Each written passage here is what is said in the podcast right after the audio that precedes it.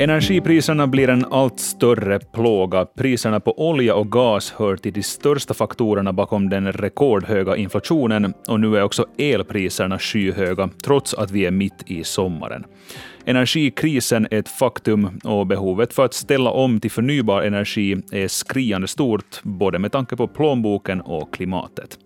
För att tala om hur det här ska gå till har jag idag med mig vår politikreporter Marianne Sundholm, som just nu befinner sig på Suomi Arena i Björneborg. Hej Marianne. Hej. Själv heter jag Erik Ståhl och det här är Nyhetspodden. Vi ska börja med veckans stora nyhet, nämligen att ägarstyrningsminister SDPs Tytti Tuppurainen måste åka till Tyskland för att förhandla om det statliga energibolaget Fortum behöver skjuta till mer pengar till dotterbolaget Uniper. Tyska Uniper gör stora affärer med rysk gas, men har nu enorma problem då Ryssland stryper gasflödet. Marianne, har den här frågan om Fortum och Uniper varit en snackis i Björneborg? Det har nämnts i bisatser på flera paneler förstås, eftersom det är veckans stora nyhet, men äh, det är ju ändå så nytt att inte, det inte är liksom huvudtema för någon panel.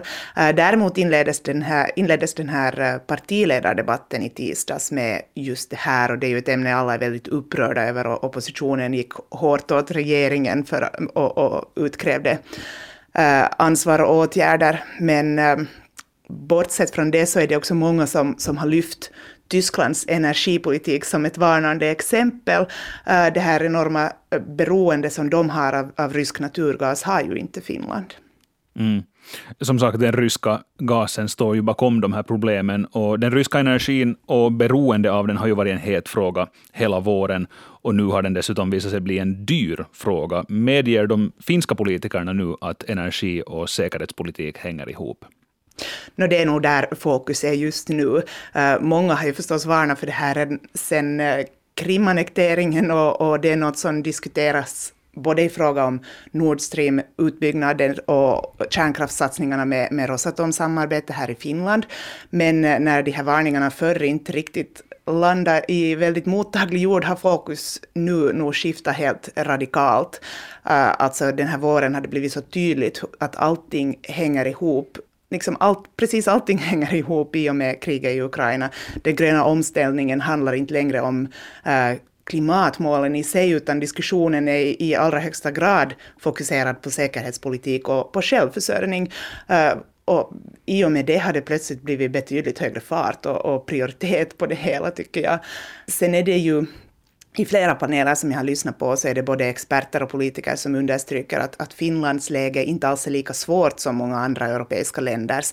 Inte när det gäller elpris och inte heller när det gäller inflationen. Eh, tittar man på maj månadssiffrorna från, det har inte ännu kommit för alla europeiska länder, de här junisiffrorna, men, men Finland hade ju en lägre Eh, en betydligt eh, lägre inflation än vad många, många andra länder i, i Europa har. Eh, och en orsak till det här är att Finland har jobbat med att ha en mångsidigare energipalett med fler energikällor. Och det här är någonting som upprepas väldigt ofta i, i panelerna här i, i Björneborg, som ju många dagar handlar om energi. Att de länder som har varit långsamma med den gröna omställningen och har ett större beroende av de fossila bränslena är också de som drabbas värst av stigande pris nu. Mm.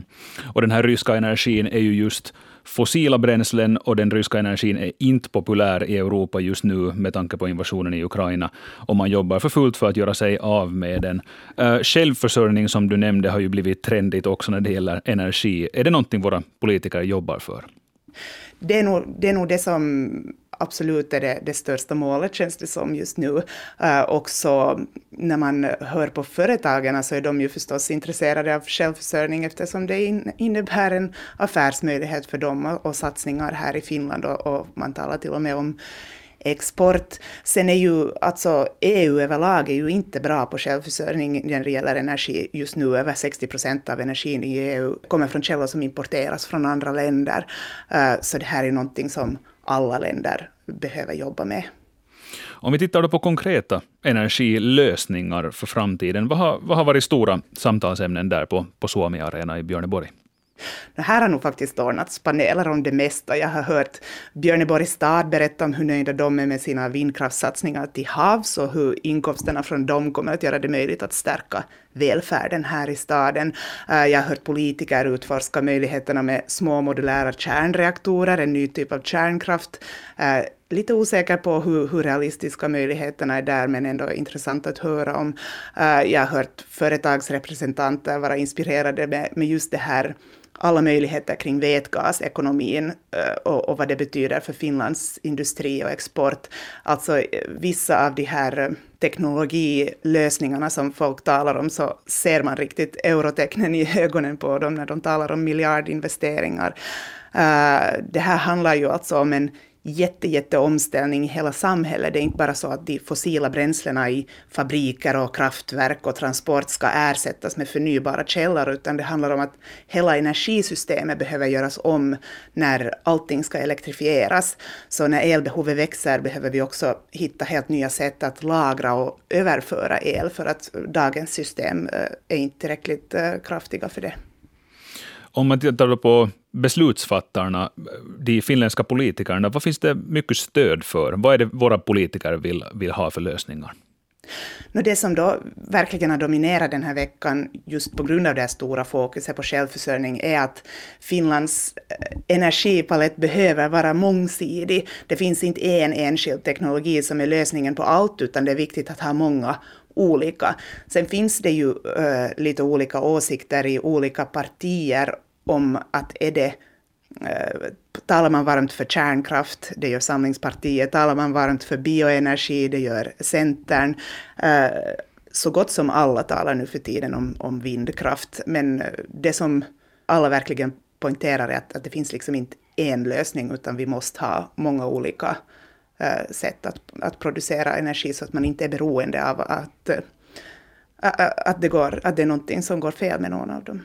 Eh, hur är det med tidtabellen? Det har ju, Finland har ju haft en väldigt, under regeringen Marinen, väldigt ambitiös, väldigt ambitiösa klimatlöften. Hur låter det där på Suomiarena? Går vi liksom före EU eller på EU-standard? Hur är det med tidtabellen? Här talas nog väldigt mycket om att Finland är en föregångare och, och har kommit bättre igång. Det gäller ju kanske nog uh, Norden överlag. Uh, och det ser man också på det här, uh, till exempel beroende av naturgas, är ju inte alls, rysk naturgas är ju inte alls lika illa i Norden som det är i många andra länder i, i Mellaneuropa och Östeuropa. Uh, men det här är förstås inte nu sådana lösningar som kommer att hjälpa oss redan nästa höst och nästa vinter, utan det handlar ju om, om uh, mål på längre sikt. Och, och alltså beroende på teknik handlar det ju om några år eller tiotals år, att, att, uh, men fokus är nog i framtiden och inte liksom på just precis nästa års eller nästa vinters energikris. Om vi tittar då på just igen de här lösningarna, vilket eller vilka vi ska, vi ska bestämma oss för. Vad säger forskningen? Vad, vad borde vi bestämma oss för? No, det kom ju faktiskt från, från Finlands klimatpanel som ändå är, är tillsatt för att eh, beslutsfattarna ska ha eh, råd att gå efter av, av eh, forskarna och, och de, de som har, att det ska finnas vetenskap att eh, grunda beslut på, så kom det en, en energirapport i våras som i praktiken konstaterar att, att eh, energibehovet går att lösas. Jag menar, eh, elbehovet kommer ju att fördubblas fram till vad är det, 2050. Eh, men det här ses inte som ett problem. Det kommer att gå att lösa med, med olika former av, av eh, nya förnybara källor. Men det handlar om att bestämma sig för vilka vi ska satsa på. Eh, den där rapporten konstaterar att vi kan lösa det här helt och hållet med kärnkraft, eller vi kan lösa det helt och hållet med vindkraft. Men det, det handlar om att fatta politiska beslut om, om vilket vi vill satsa mera på, och det är ju där man sen ser lite olika åsikter hos olika partier. Avgörande här är ju då att energiproduktionen kombineras med nya sätt att lagra och överföra den här elen så att eh, vi har värmelagring och utnyttjar spillvärme och att vi producerar vätgas som, som nytt bränsle och att vi kommer igång med batteriteknologi på allvar. Så det handlar liksom om att ha många olika källor och, och sen nya sätt att överföra och lagra. Och när man talar om de här framtidslösningarna står ju oftast elen i fokus. Som du nämnde, hela energisystemet ska ställas om. Det handlar om att producera energi på olika sätt, men slutligen ska den då lagras och konsumeras som el. Eh, hur bedömer du, kommer vi klara av att elektrifiera hela samhället? Nu är det här ju förstås en, en, en eh, debattvecka där, eh, som, som är väldigt kommersiell. Alltså här är ju företag på plats för att visa vad de har för, för eh, möjligheter att erbjuda. Men, här jag skulle säga att panelerna nog ändå, trots eh, världsläge och trots bekymrade miner om, om inflation, så har den här veckan nog dominerats av en, en, eh, ett framtidshopp, skulle jag nog säga. Att många eh, säger ju att det här inte är ett problem, att det finns redan idag alltså det finns framtida lösningar, men det finns redan idag tillståndsansökningar för vindkraft och solenergi värda hela kärnkraftverk extra i produktion. Uh, företagen är redo att, att producera mångdubbelt mer el än vi har idag. Det som de klagar på är att tillståndsprocesserna är på tok för långsamma och det här är ju en, en diskussion man har hört länge och också i andra länder. Den är väldigt stor också i Sverige. Vad är din bedömning då? Är det det enda som står i vägen? Tillståndsprocesserna? Um, nu är inte det nu det enda som står i vägen, men nu, nu är det absolut en stor, stor del. Alltså just nu så finns det ju nog en väldigt stor politisk eh, vilja att göra den här omställningen. Och, och när det förr kanske fanns eh, det så, syntes också i den här partiledardebatten och det, det syns varje gång Sannfinländarna uttalar sig i plenisalen så, så rullar så gott som alla andra partiriksdagsledamöter med ögonen och säger det här att ni, ni kan inte mer ha det här budskapet att, att vi måste ge upp våra klimatmål för att eh, få ner priset på bränslen. Att det är tvärtom så att, att är vi inte tillräckligt snabba med den här omställningen så, så kommer det att gå mycket värre. Uh, så att här den här politiska viljan att uh, satsa på förnybar energi nu är väldigt mycket större i så gott som alla partier än vad jag har sett på många år. Och just de här tillstånden, jag antar att det handlar om, om vindkraftverk, eller handlar det om annat också? Vindkraftverk framför allt, alltså det, och, och överklaganden. Alltså där, det är ju någonting som vindkraftsföretagen har klagat på länge, men där där ser man nog också ett, ett jättestort skifte nu i fokus. Alltså när man lyssnar på de här, eh, till exempel då Björneborg som precis har fått eh, tillstånd för vad är det, 40 vindmöllor till ute till havs, så, så hur, de, hur de ser det som en stor eh, möjlighet och investering, att det här, det som det talas mycket om är, är både när det gäller Eh, energisatsningar och, och råvarusatsningar och återvinning av, av eh, råmaterial och så vidare. Så det kommer att bli någonting som, som man får pengar för att göra och inte liksom att de, här, eh, de, de firmorna som satsar på det inte mera behöver understöd för att göra de här sakerna. Att, att det, vi är på väg till en, till en cirkulär ekonomi som, där hela ekonomin kommer att se så annorlunda ut och man får Eh, det blir en inkomst i sig att, att eh, erbjuda vindkraft. Mm. Eh, det talas ju flitigt om alternativa sätt att producera vår energi och hittills har vi också bara talat om den här produktionen. Men ur ett hållbarhetsperspektiv så borde ju nog vår konsumtion också minska. Kommer det några bra idéer för hur man ska göra det? Att minska på konsumtionen brukar inte vara det som företag talar mest för. Och som sagt är det ju nog en, en väldigt kommersiell vecka här. Det här är ju förstås den allra största kritiken från eh, miljöorganisationer och klimataktivister, att vi behöver en systemomställning och det inte räcker att producera mera och räkna med eh, en ökande tillväxt konstant.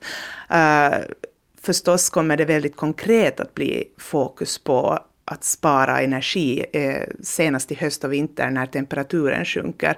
Eh, nästan hälften av Finlands energibehov eh, består ju av värme. Och det kommer att bli fokus på att, eh, och det har vi ju hört redan i vår, att, att vi behöver sänka inomhustemperaturer och, och hitta eh, jag menar under 70-talets oljekris så var det ju fokus på att använda eh, nattel, att alla inte får använda elektricitet samtidigt. Och, och hitta liksom olika sätt att reglera vår användning så att det inte blir de här eh, topparna som belastar systemen. Men överlag så, trots att det nog förstås är fokus på att det är svåra, eh, svåra tider som väntar ännu i höst och vinter, så när man tar ett längre perspektiv än så eh, och tittar framåt och på den gröna omställningen som Finland står inför och Europa och världen står inför, så, så har det nog kännats eh, att man har fått liksom lite framtidshopp av att vara här och lyssna på att det finns lösningar och det finns, finns både politisk vilja och företag som vill satsa på det här och, och att, att det till och med kommer att ge inkomster, att det ses som liksom en, en ekonomisk satsning också. Det känns på något sätt bra att lyssna på de här företagen och experterna prata om det här. Tack Marianne Sundholm med oss från Suomi Arena i Björneborg. Tekniken sköttes idag av Jyrki Häyrinen och nyhetspodden produceras av Jonna Nupponen. Fortsätt lyssna på oss.